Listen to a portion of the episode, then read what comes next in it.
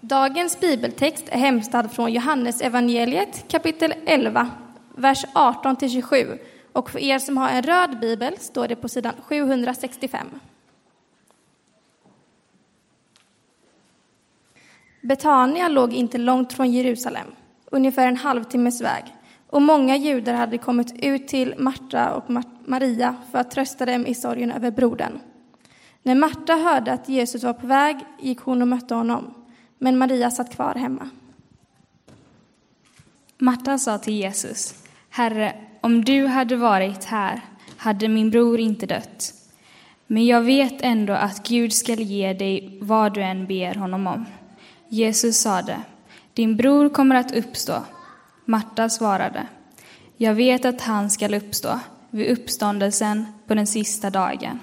Då sade Jesus till henne, jag är uppståndelsen och livet. De som tror på mig ska leva om han än dör. Och den som lever och tror på mig ska aldrig någonsin dö. Tror du detta? Hon svarade, ja, Herre. Jag tror du är Messias, Guds son, han som skulle komma hit till världen. Så lyder det heliga evangeliet.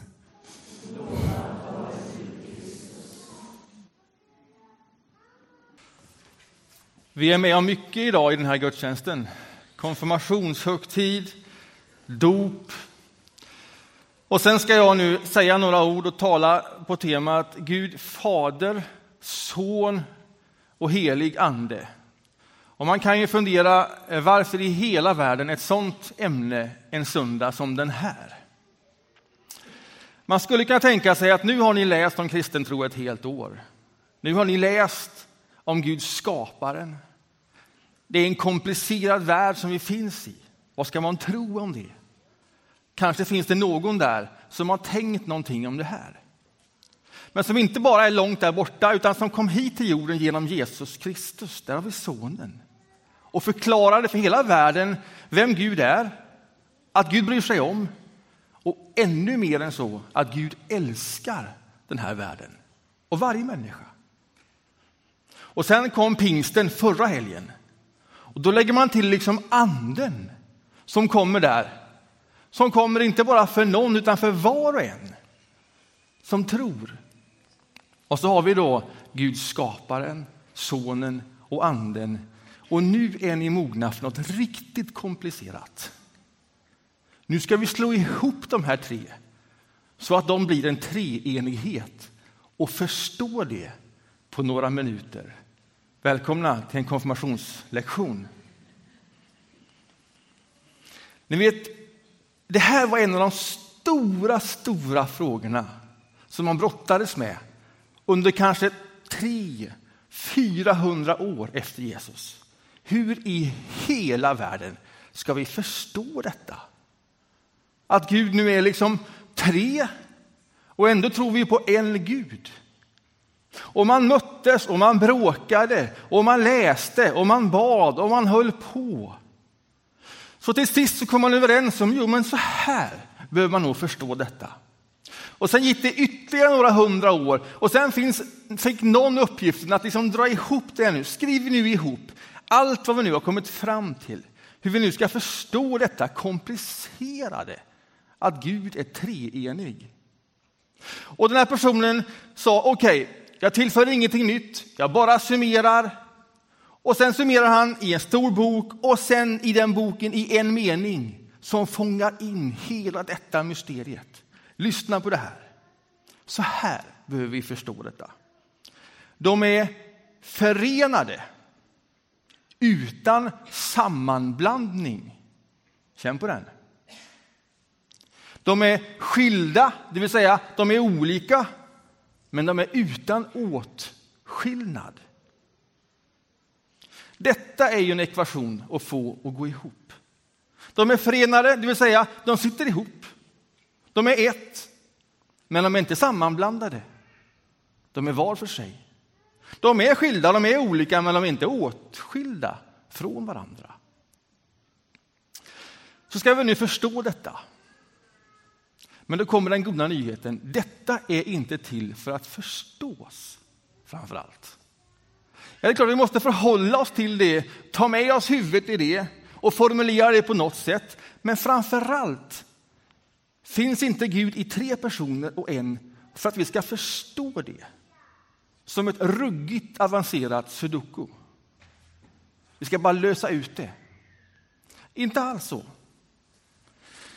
Det är inte så att om vi verkligen, verkligen studerar och använder vårt intellekt, om vi samlar all vår mentala kapacitet, så liksom förstår vi detta. Och när vi har förstått detta, då är vi i mål. Nej, så är det inte.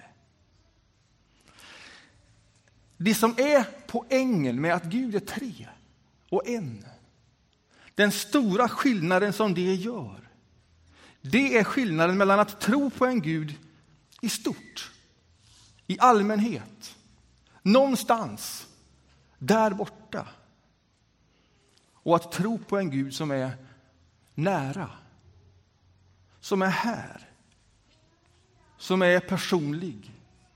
Det handlar mer om en erfarenhet av en Gud som bor i mig. Helt nära. Vi läste ju och vi fick lyssna på den här texten i en sån fantastisk läsning. Och det är en dialog mellan Marta och Jesus. Och detta är ju dramatiskt.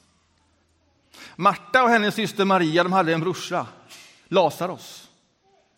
Och Lazarus han har varit sjuk. Och sen dog han. Och han dog när han var alldeles, alldeles för ung. Det här skedde i den lilla byn Betania, inte så långt ifrån Jerusalem där Jesus var.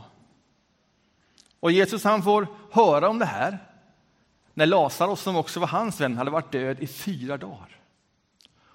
Och då går han till den lilla byn Betania. Och Marta, som hör att Jesus är på väg, reser sig upp och går för att möta honom. Och när de möts, det är då den här dialogen utspelar sig som vi lyssnade på. Och en nyckelmening där, det är när Marta säger till Jesus, om du bara hade varit här. Det var liksom hennes stora fråga. I allt detta, som ju hon inte är helt unik omkring. Hon är inte unik att livet är svårt, att någon går bort för tidigt. Hennes fråga då i det, det var om du bara hade varit här. Då hade det varit annorlunda. Och i någon mening så var ju Jesus där. I någon mening så var ju Gud där. Gud var inte bara långt här borta, den som hade skapat allting, som fanns där i stort liksom och skulle ta hand om alltihopa, utan Gud hade ju kommit till den här världen. Till och med till den delen av världen där hon bodde. För att i det visa vem Gud var. Hur mycket Gud brydde sig om. Hur mycket Gud älskade. Gud var ju där. Men för Marta var det inte nog. När hon säger om du bara hade varit här så räcker det inte för henne med att om du bara hade varit på jorden någonstans i närheten för henne var ju frågan, om du bara hade varit här i Betania, i vårt hem, där vi bor och inte i Jerusalem. För henne betyder här, precis här. Inte i allmänhet. Om du hade varit precis här, hos oss, då hade allting varit annorlunda. Då hade min bror levt. Och jag tänker mig att det här går liksom på djupet hos Jesus, i hjärtat. Det är klart han hade velat vara där. Och sen säger han till henne, men, men Marta, din bror ska uppstå. Och hon svarar, ja, ja, det vet jag. Jag vet att han ska uppstå på uppståndelsens dag, den sista dagen när Gud ska liksom ställa allting till rätta, göra allting i ordning, när allting ändå liksom ska liksom sys ihop, någonstans där borta, då ska han uppstå och leva igen. Jag vet det. Som om Gud var någonting man trodde på i stort, i allmänhet med breda penseldrag. Den som skapar långt här borta och låter någonting uppstå långt här borta. Och då är det som om i den gudsbilden, i den känslan av Gud, då kliver Jesus in. Och så ger han Marta ett stycke hemlighet som inte alla hade fått vid det här laget. Men hon får den. Och så säger han till henne, och jag tänker mig att han tittar henne i ögonen djupt. Och så säger han, Marta, jag är uppståndelsen och livet. Den som tror på mig, på mig, ska leva om han än dör. Och den som lever och tror på mig ska aldrig någonsin dö. Tror du på det? Och så står hon där med den frågan. Tror jag på det? Det vill säga att Gud inte bara är någonstans här i det stora, utan väldigt nära. Som om honom som står nu framför mig skulle vara det jag tror i stort, skulle han vara i sin person, uppståndelsen och livet i sig. Tror jag på det? Vad är det Jesus säger i detta? Det finns en berättelse i Gamla testamentet som är sådär stordramatisk. Och det är när Moses får möta Gud. Kommer ni ihåg den? Han är ute där och vallar får i öknen. Och så får han se en buske där borta som brinner. Han blir nyfiken, han går dit. Och busken brinner utan att brinna upp. Det är en annan sorts eld. Och sen hör han en röst. Och hur han hör den, om den är liksom i luften eller om den är här inne, det vet ingen, men han hör den i alla fall väldigt tydligt. Och den rösten säger, ta nu av dig skorna du har på dig. För marken där du nu står, den är helig. Så förstår han, det här är någonting utöver det vanliga. Så möter han Gud i den här dramatiska berättelsen. Och sen frågar han, vem är du?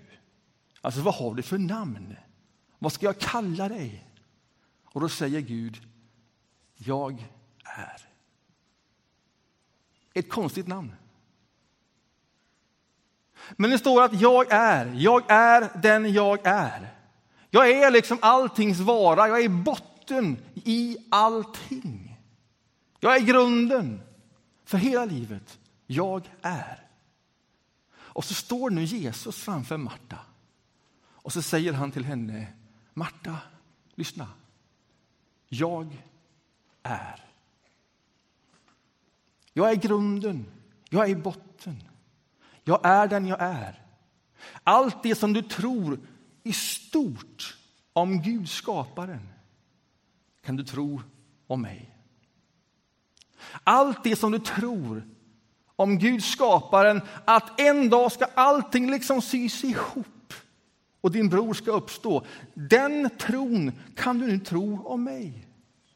Därför att jag är den guden. Tror du det? Säger Jesus till Marta. Och hon säger, ja men det tror jag. Jag tror det. Och så var den här frågan då med Jerusalem och Betania. Vart var Gud? Om Gud bara hade varit här i Betania och inte i Jerusalem. Och det som är så storslaget i detta, det är att när Marta säger jag tror till honom, Jesus, så överbryggar den tron avståndet mellan Betania och Jerusalem. Därför att om han är Gud så är han inte bara Gud på olika ställen i taget utan Gud alltid och överallt. Och genom tron får hon del av detta. Och det är detta som händer i pingsten. Det som man kan tycka krånglar till, liksom skaparen och sonen. Men sen kommer anden och andens stora uppgift. Det är att bli närvarande, inte på ett ställe i taget, begränsat, utan hos var och en som tror samtidigt och personligt. Så genom anden kan Jesus vara här, precis här och nu. Och den Jesus som är precis här och nu, om den Jesus kan man tro allt det som man tror i stort om Gud, skaparen, som håller hela skapelsen i ett grepp, som inte har lämnat det, som älskar det och har hand om det. En av de där stora, stora personerna i kyrkohistorien, han hette Augustinus. Och han gick och funderade på den här frågan om hur Gud kan få plats i våra liv. Alltså hur kan Gud vara nära hos oss? Hur är det möjligt? Om Gud nu är så här stor, hur ska man föreställa sig det, att Gud också är nära och finns här? Han bodde i norra Afrika, vid kusten. Och sen gick han på stranden en dag och funderade på den frågan. Han funderade på jättemånga frågor och skrev jättemånga böcker om det. Men detta var en av hans stora frågor. Hur är Gud nära? Och så går han där och funderar, denna smarta, bildade man. Och sen sitter det en liten tjej där och gräver en grop i stranden. Bara en liten bit från havet. Han stannar, han behöver ett avbrott och så frågar han henne, och vad ska du ha i den gropen? Och så säger hon, ah, i den gruppen ska jag ha havet. Och han tänker, i den gruppen ryms inte havet. Och så går han vidare och så tänker han på det han redan tänkte på. Och så tänker han på det hon precis sa. Så vänder han sig om och så ser han hur hon efter ett tag gräver en liten kanal från den här gropen ut i Medelhavet. Och när den är grävd, då strömmar hela havet in och fyller den här lilla gropen. Och när han ser det så tänker han, nej men hon har ju rätt. Nu är ju denna lilla gropen helt och hållet förbunden med en kanal med det stora havet. Så visst var det ändå så att havet rymdes i denna lilla grop. Och så tänker Augustinus, så är det. Precis så är det. Det är ju så Gud får plats i en människas liv. Det är så Gud genom sin ande liksom gräver en kanal. Eller genom tron gör det möjligt och så öppnas det upp en förbindelse mellan allt det vi tror om Gud i stort. Så att det också kan bli personligt och nära och på riktigt. Och här. Bokstavligen i betydelsen här. Och när ni nu tänker er Gud sen och vart Gud finns. När ni ber eller funderar, tänk då inte att Gud är där borta eller där borta, eller där borta. Utan att allt det som ni tänker är så storslaget om Gud, det finns här. Genom tron så blir det en brygga mellan det stora och det som är mitt liv. Så Gud är här. Allt det som är Gud är här. Treenigheten ska man inte förstå den ska man uppleva som en närvaro i sitt eget liv. Tror du på det här? säger Jesus. Ja, men det är ju var och en som får svara på den frågan. Ja, men jag tror på det. Och i ett nu är du förbunden med hela den treeniga Guden. Amen.